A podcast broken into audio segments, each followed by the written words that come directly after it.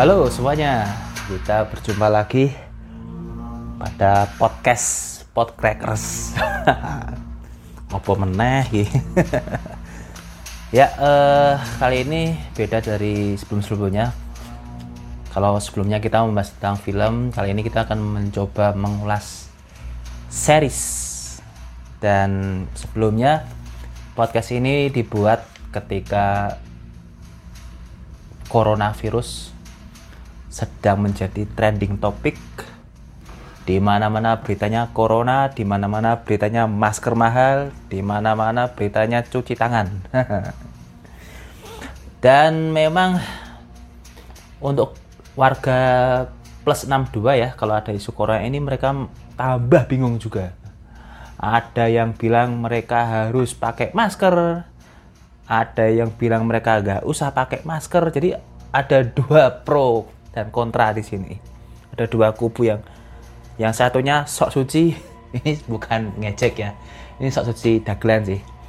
Atau dalam arti menjaga kebersihan, yang satunya sok kotor. Tapi anyway, karena ada dua pemikiran, maka saya akan menambahkan pemikiran ketiga biar tambah ambiar. Yaitu adalah menyingkapi corona dengan nonton series. Nah, mantep kan? Jadi ya, udah bingung pakai masker atau enggak, cuci tangan atau enggak, sekarang tambah lagi lebih baik nonton series saja. Bentar, ngopi dulu. Sepanas, panas, panas, panas. Oke. Uh, series yang akan saya bahas di sini, yang akan saya review berjudul Chernobyl ya. Ini adalah series yang dibuat tahun lalu tahun 2019 oleh TV kabel saluran TV kabel maksudnya HBO ya. Jadi setelah Game of Thrones dengan ketidakjelasannya, Bung. HBO mencoba untuk menebusnya dengan membuat series yang sangat mini sekali, hanya 5 episode berjudul Chernobyl. Oke, Uh, seperti namanya ya, Chernobyl ini adalah series yang terinspirasi dari tragedi bencana Chernobyl pada tahun 1986. Itu tepatnya di Pripyat, Uni Soviet, di mana waktu itu PLTN mereka, pembangkit listrik tenaga nuklir mereka, mengalami ledakan reaktor di reaktor nomor 4. Jadi kalau bingung saya gambarkan seperti ini uh, ibaratnya PLTN itu adalah kompor gas ya nyala apinya itu ibaratnya listrik ya. Jadi PLTN menghasilkan listrik nah itu juga kompor gas menghasilkan api. Nah, reaktornya itu tabung gasnya gitu. Bedanya kalau kompor gas biasa kan tabungnya cuma satu. Ini ada kompor gas tabungnya empat ya gitu. Nah kemudian salah satu tabung dari empat tabung gas ini meledak. Nah, itu gambaran gampangnya untuk menjelaskan ledakan PLTN ini seperti itu. Jadi salah satu tabung, uh, salah satu reaktor yang menghasilkan listrik ini meledak, kemudian terjadilah bencana di Pripyat, Ukraina atau yang dulunya dikenal dengan wilayah Uni Soviet. Uh, lalu kenapa kenapa harus nonton Chernobyl? Terus apa hubungannya dengan uh, kejadian coronavirus yang sedang melanda. Ya memang kalau dilihat secara kacamata ilmiah IPA ya, itu memang dua ini jelas hal yang berbeda itu.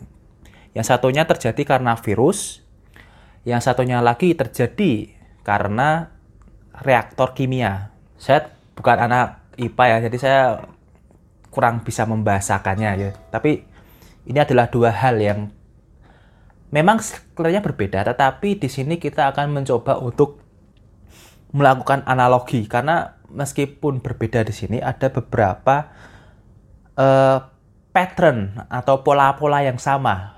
Uh, jadi dua tragedi ini memiliki pattern yang sama, pola-pola yang sama. Dan jika Anda menganalisa sesuatu berdasarkan pattern, itu maka bisa dikatakan hasilnya adalah suatu analogi. Tapi jika Anda mencari kesamaan dengan dipaksakan, bukan dengan mencari patternnya atau pola-pola, tapi dengan cara memaksakan kesamaan dari dua hal, itu namanya cocok logi. Jadi ada dua hal yang berbeda di sini ya. Saya mencoba untuk menganalogikan. Uh, coronavirus dan tragedi Chernobyl ini memiliki pola yang sama ya. Yang pertama, mereka disebabkan karena sesuatu hal yang tidak kasat mata tetapi dapat menyebar dengan cepat lewat udara. Coronavirus tentu penyebabnya adalah virus COVID-19 ya kalau nggak salah. Yang bisa menyebar lewat udara, tidak kasat mata, dan menyebar dengan cepat. Chernobyl ini juga sama, disebabkan karena zat radioaktif yang tidak kasat mata dan menyebar cepat lewat udara. Itu yang pertama. Yang kedua adalah di sini mereka sama-sama melibatkan masyarakat dan negara. Jadi nanti uh, ketika Anda menonton seri Chernobyl, Anda akan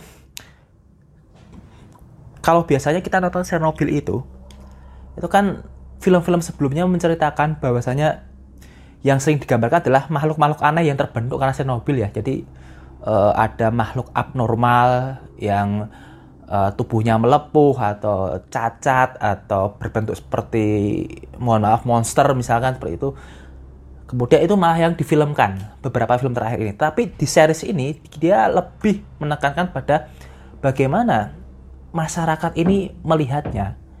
Kemudian bagaimana negara ini juga melihatnya. Nah ini sama halnya dengan coronavirus kan? Kan mereka juga sama. Uh, bagaimana masyarakat melihat bagaimana negara melihat dan yang menakjubkan di Chernobyl ini adalah pertama kita akan banyak mengalami uh, banyak sudut pandang.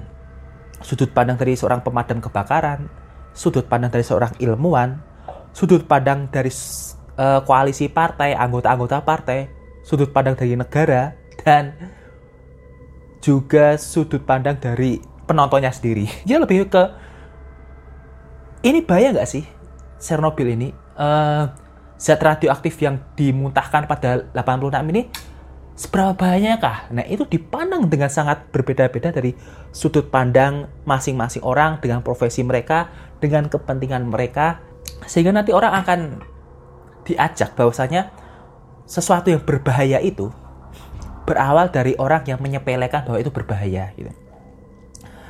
Bagus ini, karena ini sangat uh, bisa kita ambil pelajarannya setelah nonton series ini, bagaimana kita menyikapi virus corona itu yang sekarang terjadi. Dengan mengambil pelajaran daripada apa yang terjadi dengan menonton series, menonton cerita tragedi bencana Chernobyl yang terjadi 33 tahun silam. Tidak sama persis memang, tetapi ada pola-pola yang sama di sini. Terutama Chernobyl ini terjadi di negara bermula ya, bermula di negara Uni Soviet. Sementara Coronavirus bermula di negara Tiongkok. Dua negara yang kelihatannya tidak sama, tapi bau-baunya juga sama. Ini orang punya ideologi yang sama antara Rusia dan Cina. Tidak sama persis memang, tetapi ada seperti pandangan pemerintahan yang sama antara Rusia dan Cina. Meskipun tidak sama persis. Ya, ini menarik ketika dua negara ini mengalami kejadian yang polanya hampir sama. Jadi jadi Chernobyl yang terjadi di lima episode ini benar-benar membuka wawasan kita, membuka pengetahuan kita tentang apa yang seharusnya kita khawatirkan, apa yang seharusnya kita panikkan, apa yang tidak perlu kita panikkan, dan apa yang perlu kita cari dengan ilmiah. Ini mengajarkan bahwasanya memang setelah kita nonton series ini, dia akan mengajarkan bahwasanya memang kalau ada masalah, kita memang harus mencari informasi dari ahlinya bukan mencari informasi dari orang terkenal, bukan mencari orang dari seorang influencer, bukan mencari informasi dari seorang uh, tokoh terpandang misalkan yang punya banyak pengikut, bukan mencari informasi dari podcaster apalagi ya. Tetapi mencari orang yang ahlinya. Kalau misalkan ada bencana, penyakit, wah penyakit maka yang kita rujuk adalah informasi dari para dokter, para ahli laboratorium, ya sama nanti di Chernobyl juga diajarkan kalau terjadi hal yang melibatkan banyak orang maka kita mencari ahlinya dan di Chernobyl diajarkan kita mencari informasi dari seorang ilmuwan dari seorang peneliti sains. Bukan mencari dari orang partai, bukan mencari dari orang pemerintahan yang tidak tahu apa-apa tentang ilmu nuklir ya. Jadi nanti akan kelihatan sekali ini bagus mengajarkannya kita ke mana. Sekarang kita akan membahas ya. Di sini ada 5 episode. Nanti di episode pertama ya. Di episode pertama nanti Anda akan menemui banyak sekali nama-nama tokoh, banyak sekali istilah-istilah pernuklear, per, banyak sekali istilah-istilah pernukliran yang Anda tidak tahu. Tapi it's okay. Anda tidak harus mengapalkan semua tokoh-tokohnya. Anda tidak perlu belajar banyak tentang uh, ilmu kimia, ya. Anda nikmati saja apa yang terjadi pada episode pertama nanti. Itu adalah episode tentang situasi beberapa saat setelah meledaknya reaktor keempat. Jadi Anda lebih baik di episode pertama nanti Anda nikmati saja uh, bagaimana jalannya peristiwa itu, bagaimana orang-orang melakukan penanggulangan atas uh, musibah, bagaimana orang-orang melakukan penanggulangan atas terjadinya bencana itu. Anda nikmati saja tentang situasi lapangannya, ya. Nikmati saja. Nanti di episode kedua, ini mulai bagus. Nanti di episode kedua, Anda akan diajak untuk melihat sudut pandang dari orang yang benar-benar ahlinya. Dan di situ nanti akan bagus, karena mereka akan mengkontra atau membalikkan isu-isu yang dilemparkan oleh orang-orang yang punya kepentingan politik, kepentingan pribadi, itu akan dipatahkan oleh orang-orang yang memang ahli di bidangnya. Episode 2.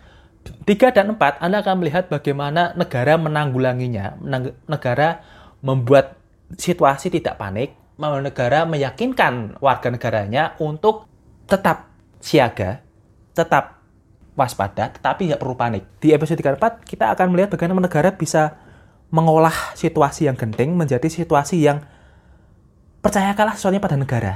Itu, sangat bagus sekali di sini. Dan di episode kelima, Anda akan mendapatkan semua jawaban yang sangat ini menggantung di episode 1 sampai 4. Episode 5 ini kelihatannya Anda akan bakal tidak paham dengan istilah-istilah kimia, dengan istilah-istilah nuklir, tetapi bagusnya di series ini adalah Anda akan paham karena dia akan menjelaskannya dengan bukan dengan bahasa-bahasa orang IPA tetapi menjelaskannya dengan bahasa-bahasa orang awam. Jadi Anda akan paham, oh begini ya ternyata penyebabnya, oh begini ya negara ini melihatnya, oh begini ya ilmuwan ini seharusnya bertindak, oh begininya orang membingkai sesuatu di episode terakhir. Jadi episode 1 sampai 5 ini benar-benar uh, suatu keterkaitan yang sangat mengikat satu episode dengan yang lain. Saya senang sekali karena series ini tidak terlalu panjang, ringkas, dan to the point. Meskipun nanti akan ada beberapa hal yang terkesan agak lambat, tetapi ya memang itu namanya juga series ya. Uh, sengaja dibuat demi uh, ujungnya juga duit, tapi lambatnya itu tidak tidak sampai kita yang sampai uh, apa ini. Nah, dia seperti itu ya. Lambatnya itu kita menikmati ini penyebaran daripada radiasi itu sendiri. Mini series Chernobyl ini sangat layak ditonton karena dia bisa memberikan pandangan baru kita bagaimana kita sebagai warga negara ketika mendapatkan informasi mana yang harus kita percayai, mana yang harus kita tinggalkan. Ini sangat memberikan uh, mengubah pandangan kita, mengubah uh, cara pandang yang terlalu mainstream menjadi cara pandang yang sangat cerdas. Dan saya memberikan rating sekitar nilai 8,8 untuk mini series Chernobyl ini. Anda bisa saksikan di HBO. Oke, sekian dari saya. Terima kasih. Sampai jumpa.